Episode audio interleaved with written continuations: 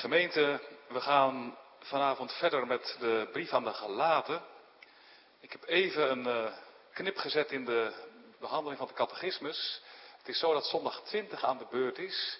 Zondag 20 gaat over de kerk en het is mijn voornemen om een paar keer achter elkaar over de kerk, uh, de leerdienst te laten gaan. Um, omdat we vanavond in uw midden volgaan, maar daarna een enkele week niet. Zo pakt het uit met het rooster. Leek me beter om vanavond de gelaten brief te behandelen. En dan een van de volgende zondagavonden de draad van de catechismus op te pakken. Dus ik stel voor dat we nu de brief van Paulus openen. Het woord van de levende God.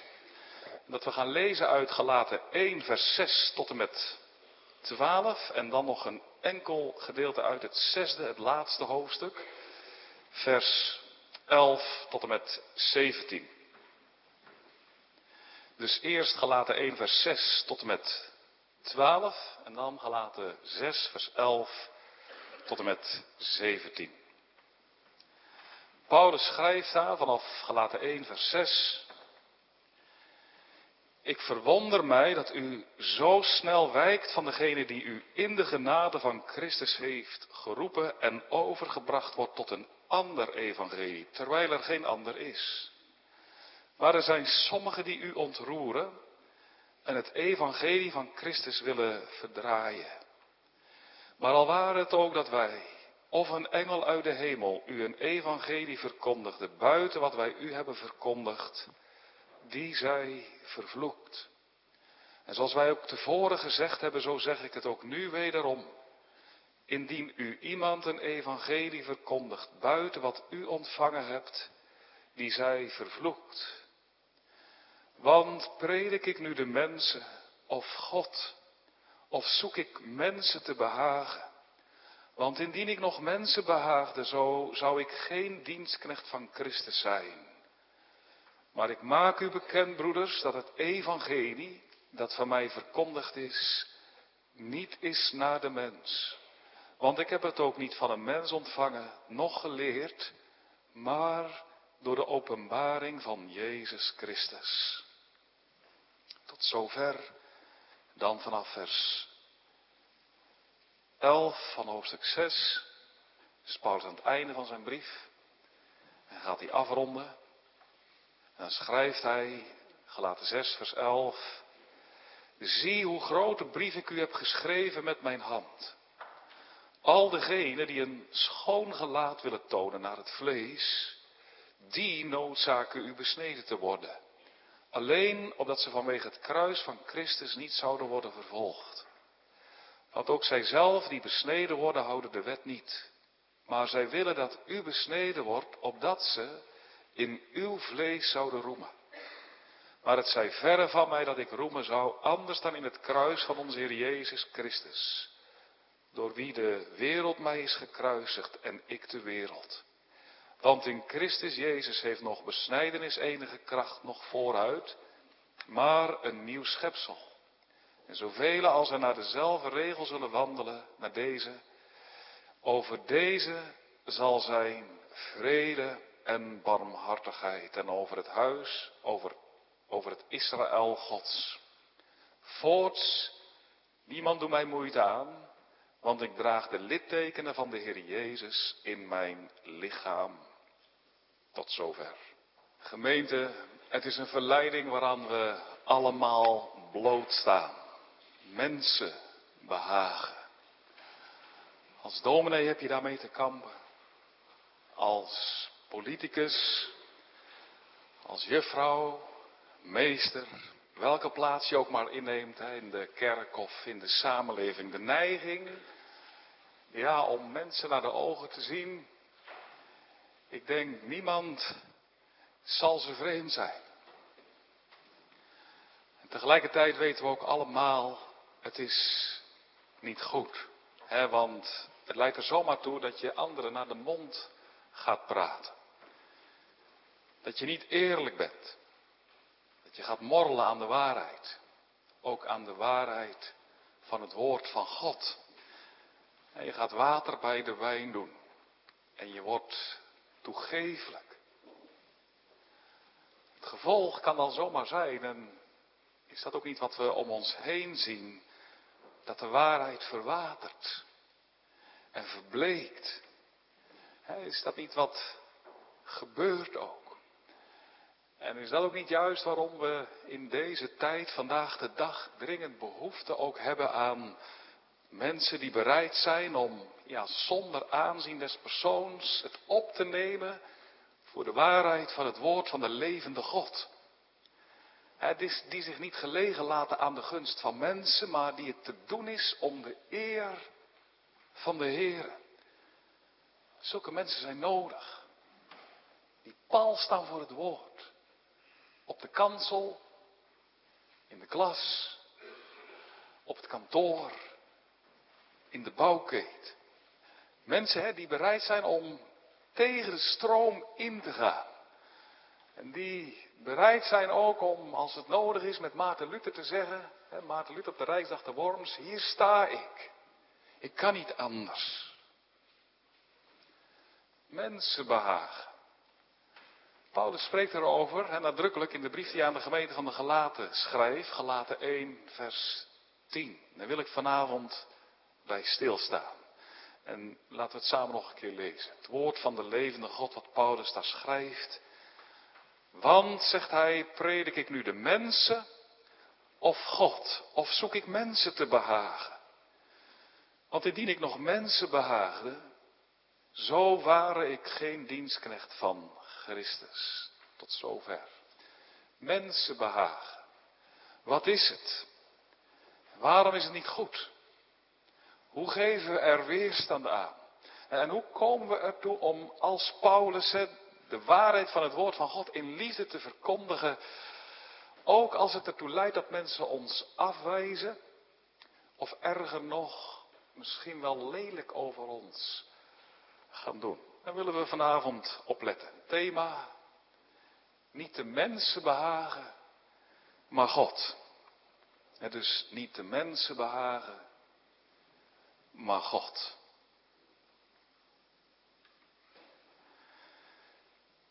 Gemeente, Paulus ligt onder vuur. En dat nog wel in de gemeente die hem zeer na aan het hart liggen. De gemeente in Galatië. In Derbe, in Lystra, in Iconium. Hij kent de mensen daar, hij heeft hen ook hartelijk lief. Tot tweemaal toe volgens mij lezen in de brief aan de Galaten dat hij ze broeders noemt. Hè? Broeders, Galaten 1 vers 12. Paulus ligt onder vuur. Er zijn leraars in de gemeente in Galatië gekomen die kritiek op hem uitoefenen. Op zijn apostelschap.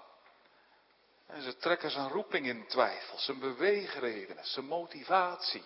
Ook op de boodschap die hij brengt. Het evangelie zelf. Paulus die verkondigt, en dat heeft ook in de gelaten gedaan, hè, dat zondaren zalig kunnen worden. En dat uit genade alleen, door het geloof alleen, in de Heer Jezus alleen. Hè, zonder iets van ons, zonder eigen bijdrage. Nog niet het minste hoeft erbij. Hoeft niet, maar het mag ook niet. Het is door het geloof alleen. Ha, zeggen die leraars, hè, de zogenaamde judaïsten tegen de gelaat als Paulus weg is. Dat is toch wel heel makkelijk van die Paulus. Mooi als je in Christus gelooft natuurlijk, dat doen wij ook. Maar er moet wel iets bij. Je moet je wel aan de wet houden. Je moet je wel laten besnijden. Als je dat doet, als je en gelooft en de wet onderhoudt, zo goed mogelijk, als je die beide doet, dan word je zalig, ben je zalig. Heeft God je lief. Die beide zijn nodig. En het geloof, maar ook de wet onderhouden. Dan. Kritiek op Paulus dus. Op zijn apostelschap en op zijn boodschap. Ook op zijn persoon. En dat blijkt als je de brief doorleest. Ja, ze spelen om zo te zeggen echt op de man. Hè? Want wat ze zeggen tegen de gelaat is eigenlijk van, maar weet je waarom Paulus zo preekt? Door het geloof alleen. Weet je waarom dat die man dat doet? Zalig worden zonder de werken. Nou, heel eenvoudig. Ja, zo'n evangelie, dat wil er natuurlijk wel in. Zo'n evangelie, dat willen de mensen wel horen. Daarmee val je echt wel in de smaak bij de mens. Hè? Word je gevierde man mee. En, en, en dat is het. Dat is waarom het Paulus te doen is. Hij, hij wil gevierd zijn. Gevierde man. Dat is wat hem drijft. Zie? Zo brengen de leraars, de judaïsten, Paulus in discrediet. Heel filijn, hè? Heel, heel subtiel, gemeen. Hij zuidt op mensengunst, zeggen ze. Hij zoekt mensen te behagen, dat. En dat is waarvan ze de apostel beschuldigen. En ja, dat kan Paulus niet onweersproken laten, want dat mag hij ook niet. Want daarmee is het evangelie dat hij brengt in het geding. En daarmee de eer van God en ook de zaligheid van mensen. En vandaar dat Paulus deze brief schrijft. De brief aan de gelaten. En dan doet hij in deze brief eigenlijk twee dingen. Dat vind je door heel de brief heen. Twee dingen. Eerst schrijft hij uitvoerig over wie hij is. Hoofdstuk 1 en 2. Soort biografie, soort levensverhaal. En daarna gaat hij in op het evangelie zelf. Hoofdstuk 3 en 4 wat het inhoudt en hoofdstuk 5 en 6 wat het uitwerkt. En schrijft ook vrij uitvoerig over zichzelf. En niet om ja, zichzelf te verdedigen of zo. Niet omdat hij in de wiek is geschoten door alle kritiek. Natuurlijk, het heeft hem geraakt, zeker. Het raakt je als mensen zich kritisch en negatief over je uitlaten. Tuurlijk, dat is pijnlijk. Hè? En helemaal als dat achter je rug om gebeurt. Zoals dat in de gelaten gebeurt. Maar Paulus schrijft niet om ja, terug te slaan of zo. Hè? Of om het de judaïsten zelf eens goed betaald te zetten. Om met gelijke munt terug te betalen. Nee, dat onrecht dat hem wordt aangedaan, dat geeft hij over aan zijn meester. Maar waarom hij wel vrij uitvoerig over zichzelf schrijft, is om helder te maken dat hij niet zelf is gaan lopen. Maar hij wilde gelaten echt op het hart drukken. Het is de Heer Jezus zelf die mij heeft uitgezonden. Ik ben maar niet eigener beweging naar jullie toegegaan. Christus heeft mij gestuurd. Dat is wat hij de gelaten helder wil maken. Christus heeft mij naar jullie toegezonden. En niet om maar zelf een boodschap te verkondigen. Nee, nee, zijn boodschap te verkondigen. Gelaten, ik ben naar jullie toegegaan in de naam van de Heer Jezus. Met de boodschap van de Heer Jezus. In opdracht van Christus met het evangelie van Christus. Christus heeft Paulus uitgezonden. Met het evangelie van Christus. En ja, Paulus zegt van dat evangelie, daar wil ik niets aan afdoen en ook niet iets aan toedoen. Nee, nog niet het minste, dat mag niet. Dat wil ik zelf niet, dat mag ik zelf niet. Iets eraan bijdoen. Maar dat mogen anderen evenmin. En wie het toch doet, zegt Paulus, wie aan dat evangelie waarmee Christus mij op pad heeft gestuurd, toch iets toedoet of er iets aan afdoet. Paulus zegt, die zij vervloekt. Al was het Paulus zelf, dat zegt hij ook. vers 8. Al zouden we het zelf doen, al zou het een engel zijn die een evangelie verkondigde buiten wat wij u hebben verkondigd, die zij vervloekt. Gelaten, zegt Paulus, hè. Christus heeft mij geroepen. En ik preek het evangelie van Christus. En wat denken jullie? Als ik nu zeg dat zij mogen worden vervloekt. En dat ook ik zelf vervloekt mag worden als ik dat niet zou doen. Wat denken jullie? Breng ik dan een evangelie om mijzelf in de smaak te laten vallen bij mensen? Als ik zeg, als ik niet het evangelie van Christus breng, dan mag ik wel vervloekt worden. Zal ik er dan echt op uit zijn om mensen te behagen? Denken jullie dat?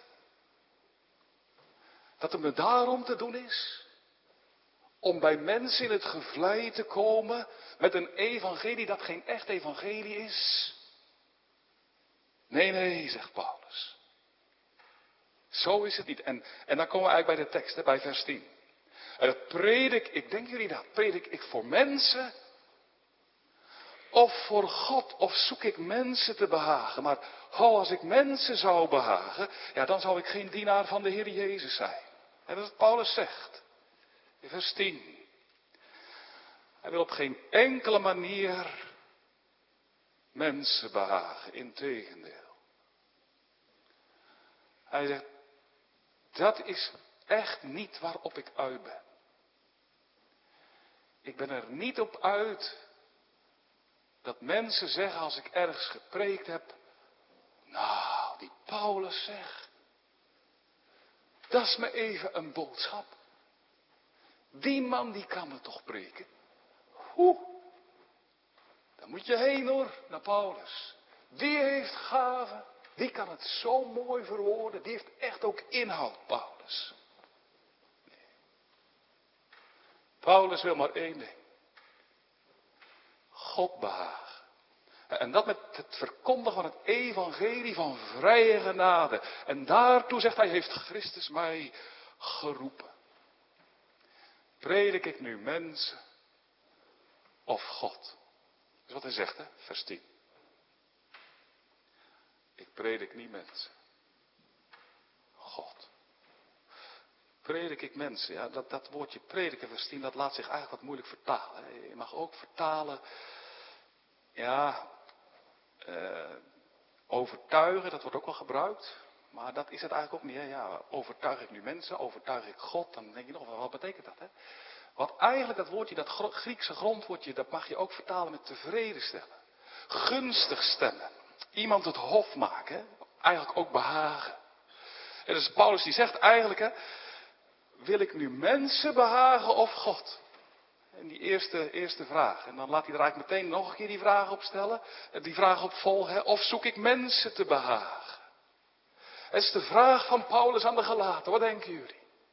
En het antwoord mogen helder zijn. Nee, ik zoek geen mensen te behagen. Is niet wat ik doe. Het is wat Paulus zegt. Hij weerspreekt die beschuldiging.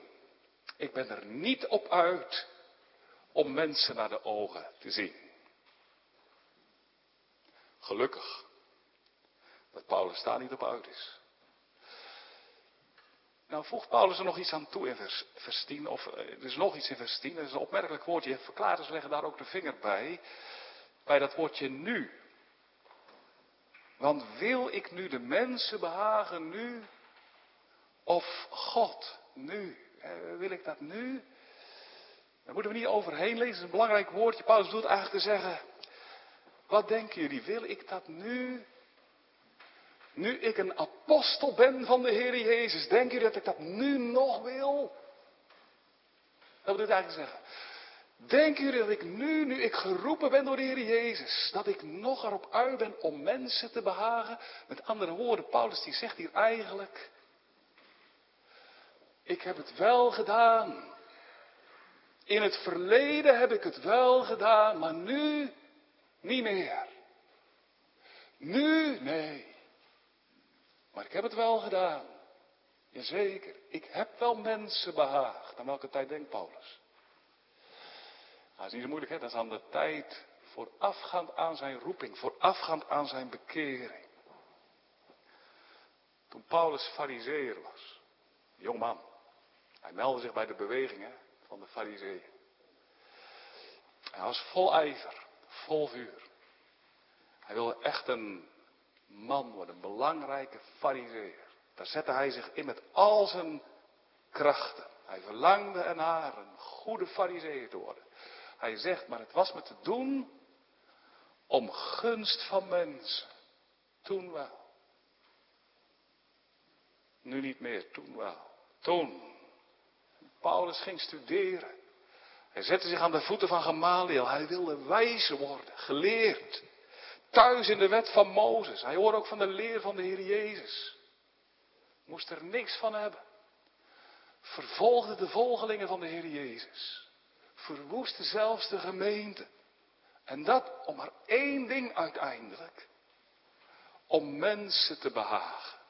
En Paulus was ten diepste, zegt hij, toen, toen was ik ten diepste uit op de goedkeuring van mensen. Vond zo mooi als zeker die hogere, die, die fariseeën, die hogere kringen, goedkeurend over me spraken. Onder de indruk waren van wat ik deed. Ogenschijnlijk heel godsdienstig, serieus. Maar wat Paulus toen dreef, was zijn hoogmoedige, vrome vlees. Nu mensen behagen, Paulus zegt dus in vers 10, ik heb het gedaan, zeker, maar nu niet meer. Nu sta ik in dienst van de Heer Jezus Christus. Met andere woorden, gelukkige verandering in het leven van Paulus. Hè? Want oh, wat ben je ongelukkig. Als het je in je leven ook te doen is om gunst van mensen, om mensen te behagen. En wat ben je gelukkig als, als, als dat een breuk krijgt. Als je, als je in je leven niet meer op uit bent om mensen te behagen. En ach, en toch hè. Is dat nu ook niet waar we alle zo vatbaar voor zijn? Om mensen te behagen. Ook als je predikant bent. Is dat zo? Ja. Echt. Je verkondigt het evangelie. Je draagt het woord uit. Aangrijpend, hè? Je spreekt mensen toe. Het gaat om grote zaken, eeuwigheidszaken. Je verkondigt het woord. Maar je verkondigt vooral die dingen waarvan je weet dat mensen ervan genieten. En je zegt vooral die dingen niet waarvan je weet dat het aanstoot geeft of ergernis oproept. Stiekem ben je uit op waardering. En laat je je daardoor leiden, hè, dat mensen zeggen, nou die man, poeh, die durft het nog eens te zeggen. Of die man, nou die wint er tenminste geen doekjes op. Die is helder, radicaal. Grijpend hè? Oh, dat vlees. En we kunnen niet zeggen, ja dat is mijn vlees, dat zijn we zelf. Hè? Dat mensen behagen dat is een grote verleiding. En dat nou in ons zit. Hè? Kostbaar evangelie. Heer Jezus Christus die zich laat aanbieden aan zondaren om niet. En dat je dat dan uitdraagt en verkondigt. Aangrijpend. En dat je dan stiekem er toch op uit bent Terwijl dat heerlijke evangelie verkondigt. Niet dat Christus de eer krijgt. Kan het zover gaan. Zover kan het echt gaan. Dat je hoopt dat mensen je op handen gaan dragen. Niet Christus de eer. Ik de eer. Als je zo bent, ben je eigenlijk een soort parasiet. Parasiet. Leef je op kosten van een ander. En dan is het je uiteindelijk slechts te doen om jezelf. Oh, wat erg. En dat gebeurt als de Heer het niet verhoedt. Met dienaren van het woord. Maar ook, ja, dat, dat, dat, daar zijn we alle vatbaar voor, hè. Maar dienaren van het woord ook zeker. In tijd van de corona. Ja, ik vond het eigenlijk wel heel eerlijk. kwam een predikant naar me toe, collega tijd van de corona werden de preken ook uitgezonden via YouTube. En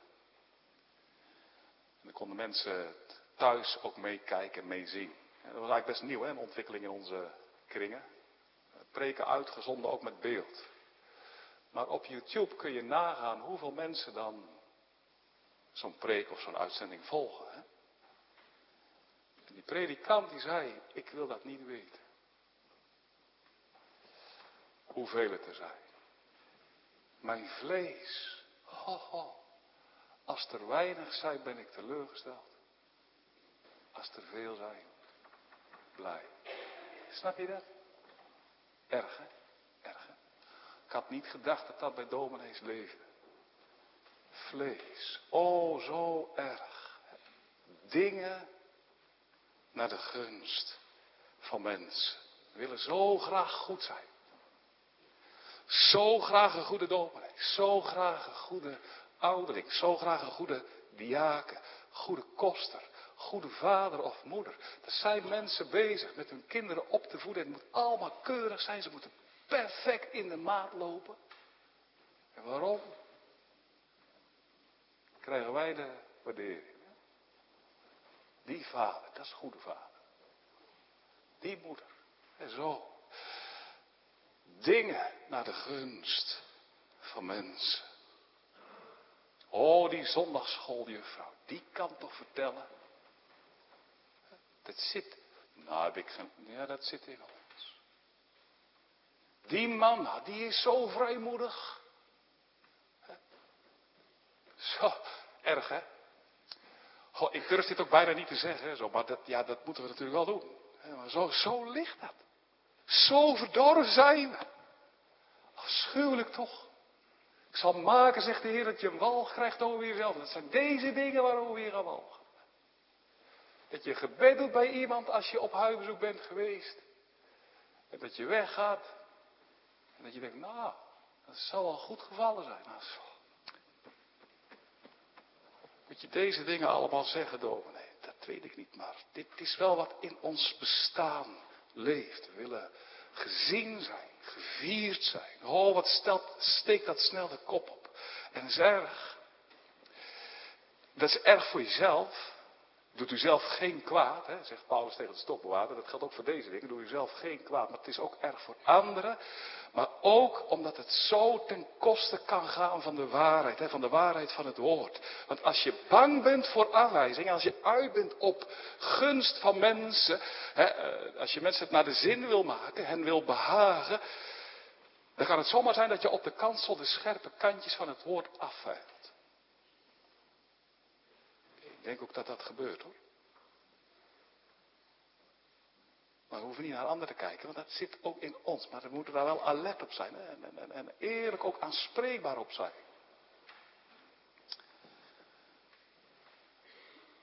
dat je zegt, laat ik het maar niet te hebben, niet, niet te indringend spreken over de zonde. Laat ik maar niet verkondigen de totale verdorvenheid van de mens. Nou, ik wil het wel noemen natuurlijk. We zijn reformatorisch. Maar een beetje omvloerst. Het komt door mensenbehagen. Of dat je juist de ruimte van het evangelie gaat insnoeren. Of beperken. Laat ik maar niet zeggen dat alle hoorders genodigd worden. En dat Christus Jezus in de schoot van alle hoorders wordt neergelegd. Ja, dan, nou, nee. Of dat je juist deze dingen heel erg gaat aanzetten. De zonde heel erg gaat aanzetten of de belofte van het evangelie heel eenzijdig gaat preken. Om mensen te behagen. Vreselijk. Mensen naar de mond spreken niet best. He, dat was het verwijt dat Paulus had gemaakt, maar Paulus die kon echt zeggen nee. Nee, nee, want mijn begeerte is om Christus te verkondigen. Maar oh, wat is het erg als zo'n verwijt wel terecht is. Als je als predikant wel mensen zoekt te behagen. Als je wel verkondigt dat wat mensen graag willen horen. Dan ben je oneerlijk. Dan ga je mensen misleiden. Met een verwaterde, oppervlakkige, afgezwakte boodschap. Hè? Dat is het grote gevaar. Hè? Dat, je gaat, dat je gaat preken zoals de profeten preekten de tijd van het Oude Testament. Van wie Ezekiel heeft gezegd, hè, zij, zij zijn valse leraren die met pluimstrijkende woorden de mensen in de bloemhoven jagen. En die ze aankondigen vrede, vrede, gegenwaart, terwijl er geen vrede is. Mensen behagen, pleasen, kan op allerlei manieren. In de kerk, ook buiten de kerk. Het kan ook zijn als je met mensen in gesprek bent. In de klas of op school of op de bouw of, of, of, of in de winkel. En dat je dingen hoort zeggen dat je denkt van ja, dat is niet naar het woord, maar laat maar even. Dat je meebuigt, maar te ver meebuigt. dat je te inschikkelijk bent. Hoort mensen spreken over God als soort vriendje. Jezus die de zondaar bij voorbaat vergeeft. En je zegt niet eerlijk dat het woord anders leert. Hè? Of je hoort spreken mensen zo dat je eigenlijk de indruk krijgt van ja, het heil is eigenlijk vandaag nog, ja, nog een enkeling. En dat zondaren niet breed en ruim worden genodigd om te komen tot de wateren van het leven. En te drinken uit de fontein van het heil. En, en, en dat je dat hoort spreken door mensen, dat je daarbij zit en dat je, dat je dan het zwijgen ertoe doet. Of wat meemurmelt. Erg. En met dat mensenbehagen. Ja, dan werp je zomaar een smet op het evangelie. Je verdonkere maand het woord en je slecht er een sluier over. Nou, hoe heerlijk hè, als het door genade anders mag zijn. Oh ja, en dat bij Paulus is het zo. En ik hoop dat het bij u ook mag zijn. Zo mag zijn. Hè. Dat je niet meer mensen wil behagen, maar dat je alleen de Heer Jezus Christus wilt behagen. Dat is wat Paulus ook zegt. Eén iemand. En hij zegt dat ook in 2 Korinthe 5 vers 9. Het zij inwonend, zij uitwonend. Ik heb één verlangen om hem, Christus, welbehagelijk te zijn. Bij Paulus mag dat zo zijn. Hè? Door genade heeft mensengunst bij Paulus een knak gekregen. Hij wil Christus behagen. Christus alleen. En is Paulus te doen om de gunst van de Heer Jezus. Om zijn gunst, niet de gunst van mensen. Natuurlijk, het is mooi als je elkaar lief hebt en je mag dat ook zeggen. Zeker als de een voor de ander tot een zegen is. Mag je ook tegen elkaar zeggen. Mag je elkaar mee bemoedigen, zeker. Maar, dat het je niet te doen is om eer. Om mensengunst. Nou, Paulus is het te doen, niet om mensengunst, maar om de gunst van Christus. Die is hem alles waard. Dat gaat boven alles uit. Hè? En, en die gunst van Christus, als hij dat mag zien, ja, dat geeft hem vleugels. Dat geeft hem kracht. Kracht om het evangelie te brengen, wat er ook op afkomt. Kracht om het evangelie te verkondigen, wat het hem ook kost. Te zien, de gunst van de Heer Jezus. Ja, dat geeft dat hij in vrijheid het woord mag uitdragen. Al schrijft iedereen hem af. Paulus zegt, doe het nog. Want ik heb Christus lief. Die gunst van de Heer Jezus. Die maakt, ja, dat je het woord eerlijk en oprecht en in liefde mag uitdragen. Paulus zegt, ja, het is mij echt te doen om, om Christus. Niet om toejuiching van mensen. Om de gunst van de Heer Jezus. En die geeft mij vrijmoedigheid. Jazeker. Ken je dat ook in je leven? Gods vriendelijk aangezicht te zien. En als je mag zien, oh de Heer Jezus heeft mij in het oog. Dat dat vrijmoedigheid geeft. Ik, ik, ik las dat bij, bij Lloyd, Jones, Dr. Martin Lloyd Jones. En die was predikant in Londen. Tot voor velen tot zegen. En hij schrijft, weet je, als ik het evangelie mag preken op de kansel. Hij zegt, dan geeft het me zoveel vreugde, vrijmoedigheid. Als ik mag zien, en, en, en dat, is, dat is opmerkelijk woord, als ik mag zien de glimlach van de Heer Jezus. Als ik preek en ik mag ervaren, Christus ziet in gunst op mij zijn glimlach mag zien, zijn liefde, zijn bemoedigende woord mag vernemen, klink in mijn hart. Kijk, dat geeft, dat geeft vreugde, vrijmoedigheid. En dat is heerlijk. Als je dat mag zien, dan mag je weten dat je in zijn gunst preekt. Maar dat kan ook natuurlijk als je het woord zo uitdraagt onderling met elkaar. Dat je daar de vrijmoedigheid voor mag krijgen. Want als je iets mag zien van de gunst van de Heer Jezus, ja, dan krijg je vrijmoedigheid ook om waarheden te verkondigen die moeten worden verkondigd. En waarvan je op voorhand weet dat je dat niet kunt zeggen zonder dat mensen erdoor geraakt worden of door beledigd worden. Zulke waarheden zijn er. Zo is heel het evangelie in feite. Het evangelie is, zegt Paulus in vers 12, niet naar de mens. Nee. Het is eigenlijk helemaal niet aantrekkelijk voor de mens. Het evangelie. Het roept ergernis op. Het geeft aanstoot. Wat dacht je?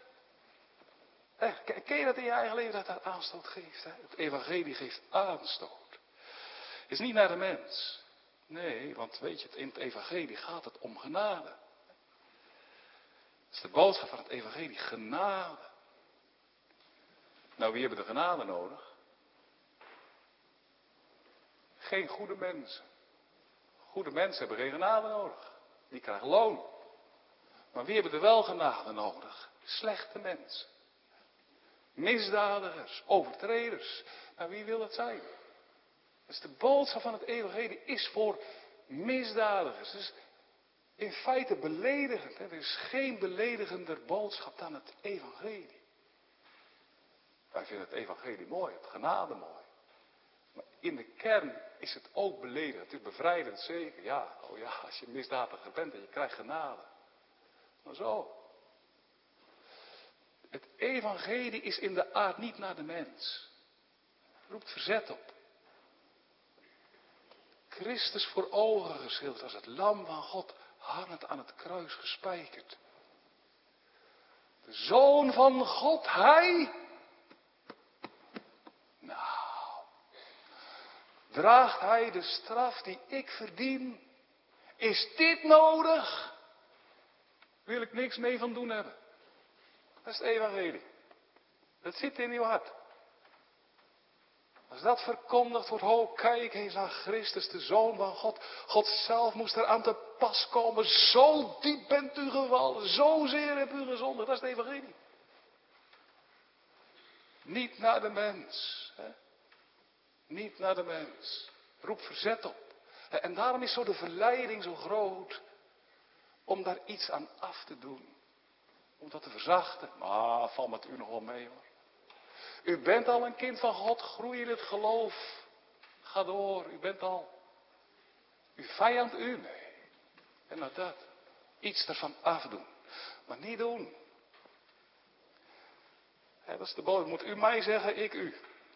Niet iets ervan afdoen. Eerlijk zijn. Het woord uitleggen.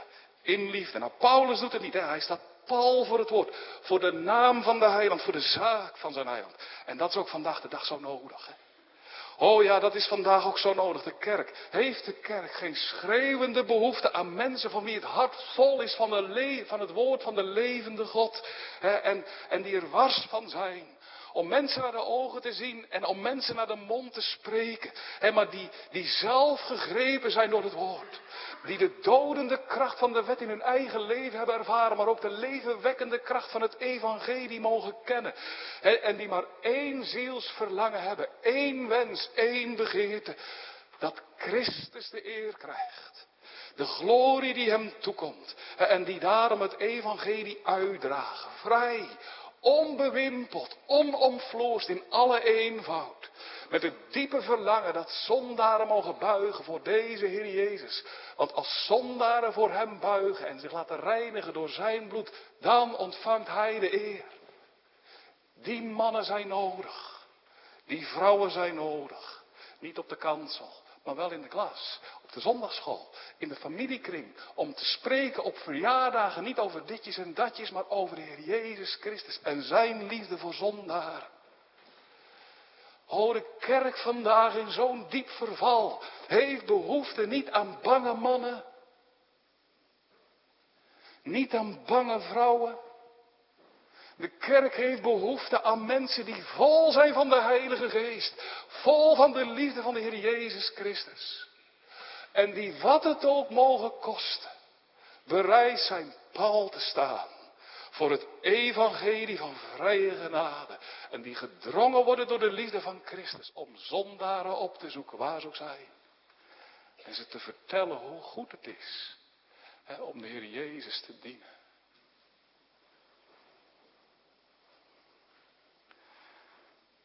Ja, heb je ons gehoord van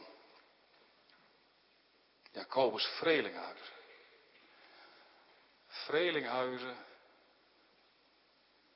was een predikant in de 18e eeuw, een jonge predikant in Enkhuizen. En die kreeg op een zekere moment een beroep. En dat nam die man aan. En eh, hij dacht dat het om een plaats ging in het zuiden van het land. Maar toen hij het had aangenomen, bleek het te gaan, bleek het te gaan om een gemeente in Amerika. In een Engelse kolonie destijds, in Amerika. Ja, daar zat die man, maar die man die werd door de Heer bij bepaald, laat u ja, ja zijn. En dus toen ging hij niet naar het zuiden van het land, maar toen ging hij naar de oversteek maken over de oceaan naar Amerika. En hij kwam daar ook en hij preekte daar het woord. Maar goh, die man die kreeg te maken met. Nou, dan ga je naar Amerika, hè. En kreeg te maken met, met groot verzet.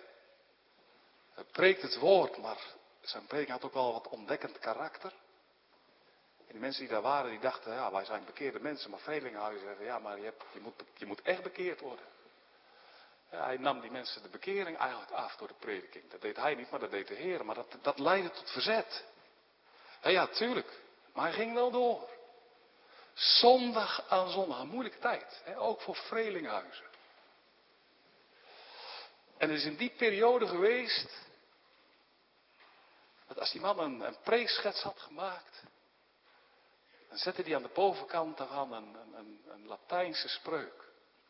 Een soort motto. En hij schreef dan. Ik zal, ik het u zeggen in Latijn zal ik het gelijk ook vertalen. Laudem non quaero, culpam non timeo. En dat betekent, lof zoek ik niet. Afwijzing vrees ik niet. Lof zoek ik niet. Afwijzing vrees ik niet. Oh, schrijf dat op in je agenda of op je kalender. Ik zoek geen lof ik vrees geen afwijzing. Ik heb één verlangen. Zijn naam de eer. Zijn evangelie verkondigen. Zijn evangelie uitdragen. Dat wil de Heer zegenen. En dat deed hij ook bij Vrelinghuizen. Want die man werd door de Heer gezegend in rijke mate. Er kwamen hè, op zeker moment mensen tot bekering. Meer en meer, tientallen, honderden. Wordt wel gezien als, eh, als, als dat bij hem begon de, de, de, de Great Awakening, de grote opwekking in Amerika met Jonathan Edwards en, en George Whitefield. De Great Awakening, dat is wat we nodig hebben. Niet een Great Reset, een Great, een great Awakening, een grote opwekking, een herleving. En daarvoor zijn mannen en vrouwen, jongens en meiden nodig die, niet, die het niet te doen is om gunst van mensen, maar die zeggen, nee, het gaat me wel om het behoud van mensen, dat wel, zeker wel. maar die het te doen is om de eer en de glorie van de Heer Jezus Christus vanwege zijn grote werk. Aan het kruis van Golgotha. En daarom laten wij het alle opnemen voor het woord. Vrijmoedig. Onbeschroomd. Echt. Wil de Heer zegenen. Ik wil er twee dingen wel aan toevoegen. Neem het op voor het woord. Maar ik wil er twee dingen aan toevoegen.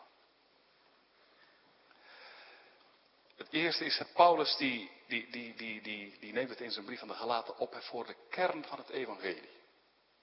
En voor de rechtvaardiging door het geloof, uit genade alleen. Dat is het hart van het evangelie. Nou, daar kan je niet onzeker over spreken. Dat mag ook niet. Als het daarover gaat, dan hoop ik echt dat het ook zo in je hart mag zijn. En nou, hier sta ik, ik kan niet anders. Uit genade alleen, door het geloof alleen, in Christus alleen, zonder iets van ons.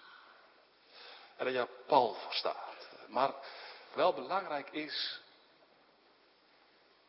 niet alles hoort bij de kern van het geloof. Het is wel belangrijk om dat te zien. Er zijn middelmatige zaken, er zijn ook randzaken. En als je daarover spreekt, ja, dan vraagt dat altijd wijsheid en ook voorzichtigheid. En ook dat je wat terughoudend bent en de dingen niet op de spits drijft. Paulus zegt in dit verband in 1 Korinthe 10, hij zegt, wees als het gaat om middelmatige zaken, kijk, als het gaat om evangelie, wijk geen duimbreed. Maar als het gaat om middelmatige zaken, wees, ja, Nou, Paulus zegt, hè, wees zonder aanstoot te geven de Joden en de Grieken zoals, ik, zoals ook ik in alles alle behaag.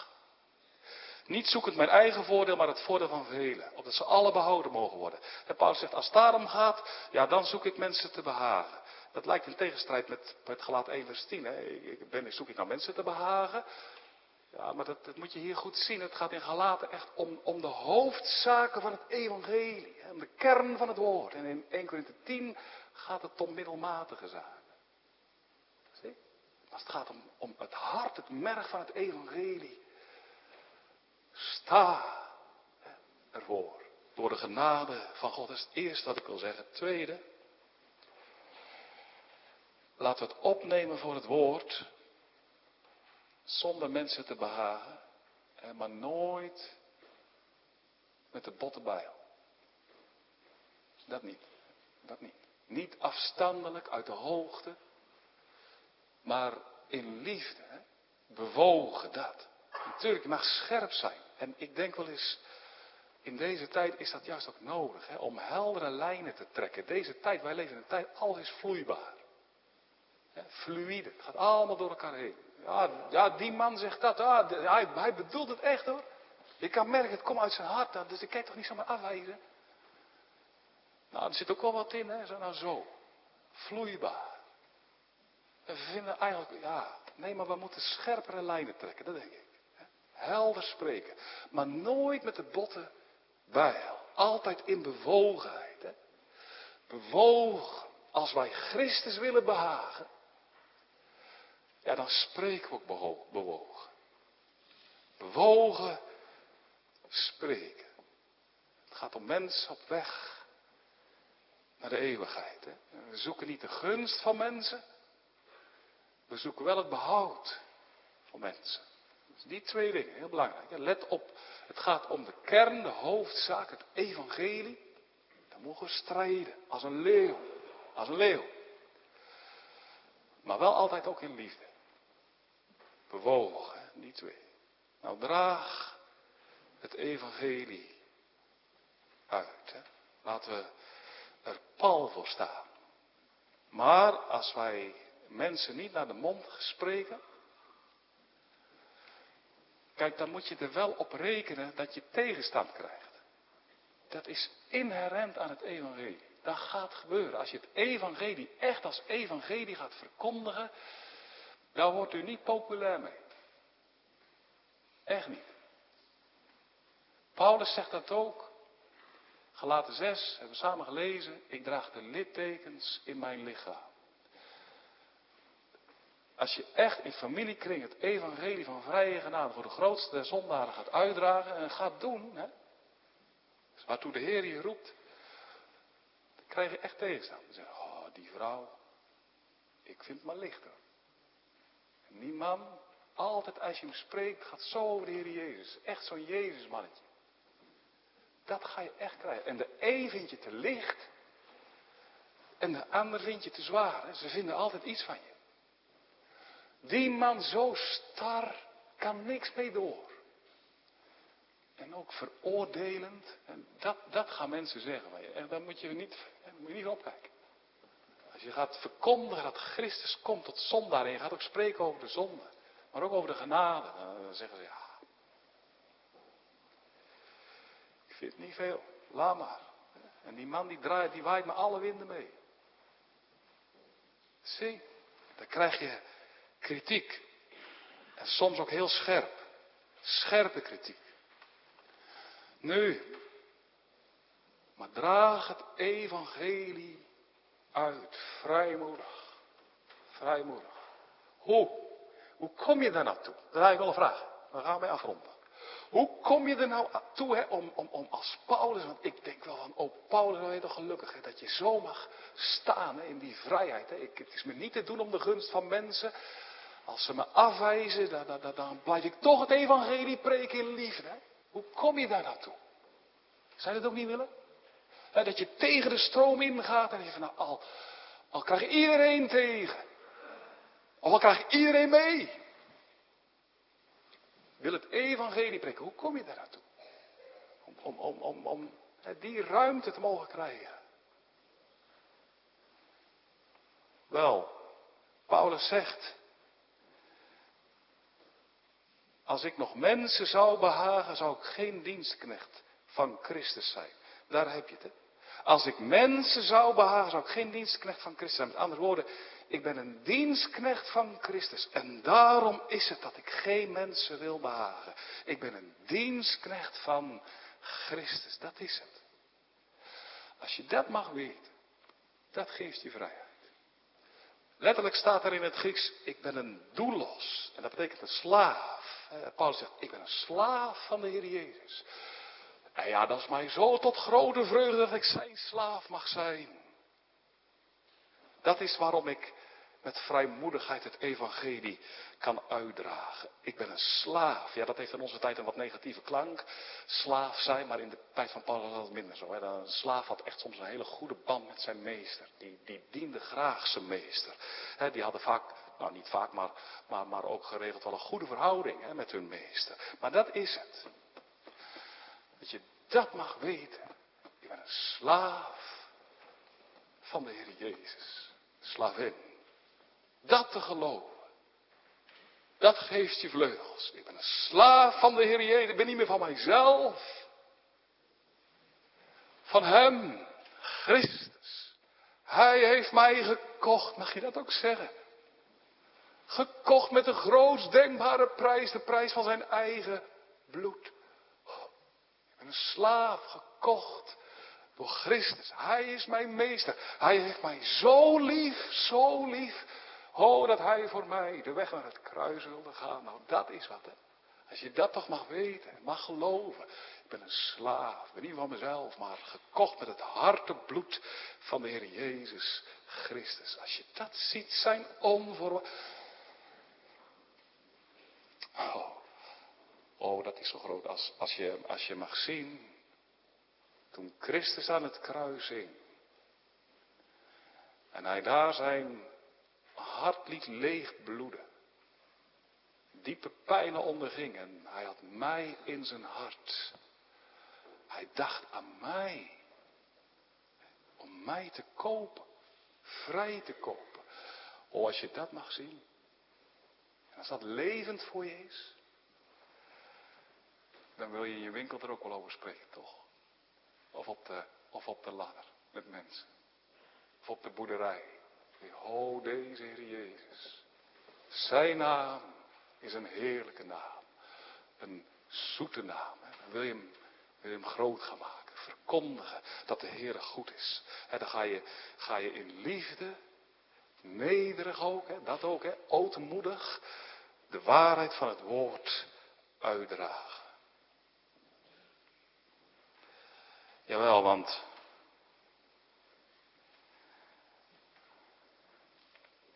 hoe komt het eigenlijk dat we zo kampen met mensenvrees? Hoe komt het eigenlijk dat we zo dat dan niet durven? Hè? Dat we zo bang zijn voor het oordeel van mensen. Ik heb dat ook. Hè? Ik denk van, zeg maar niet. Hoe komt dat? Weet je hoe dat komt? Dat de diepste oorzaak ligt in de val in het paradijs. Want toen zijn wij van God losgeraakt. Van God. En God omringde ons met liefde en geborgenheid. En die keek op ons neer in gunst. En wij mochten weten, oh wij zijn gedragen door de liefde van God. God heeft ons in het oog. God ons, ja, wij zijn in God geborgen. En wij voelden ons veilig in God. Maar toen zijn we met God, hebben we met God gebroken. Maar dat verlangen naar geborgenheid en dat verlangen naar die liefde van God en, en, en, en het oog van God op ons in gunst. Hè, dat verlangen dat God in gunst op ons neerziet. Dat verlangen is gebleven. Wij zoeken allemaal geborgenheid. Allemaal. We zoeken allemaal veiligheid. Maar het punt is, door onze val in Adam zoeken we het niet meer bij God waar het te vinden is. Maar nu zoeken we het bij elkaar. Vind jij mij goed, alsjeblieft? Dat is eigenlijk in je hart. Heb jij oog voor mij? Jij wijst mij toch niet af, zeker? Dat is in ons hart. En dat komt omdat we God zijn kwijtgeraakt. Wij wandelden in de liefde van God. En wij wisten ons in zijn nabijheid geborgen. Wij waren veilig. Maar nu niet meer. onveilig nu. En de zonde nu is dat we die veiligheid en geborgenheid in de eerste plaats bij mensen zoeken. En daarom is het dat we zo bang zijn om voor het evangelie van vrije genade uit te komen. Daarom is het dat we onze mond houden terwijl we moeten spreken. Daarom spreken we terwijl we in wijsheid zouden kunnen zwijgen. Dat komt daardoor. Daardoor zien wij mensen naar de ogen. maar, maar als wij nu, ja, weer vrede mogen krijgen door Christus met God. Zijn slaaf mogen eigendom te mogen zijn van de Heer Jezus. Dan mogen we ons weer geborgen weten bij God. En dan mag je je geliefd weten door God.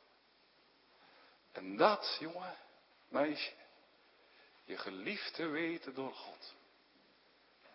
En dat is wat Paulus wist.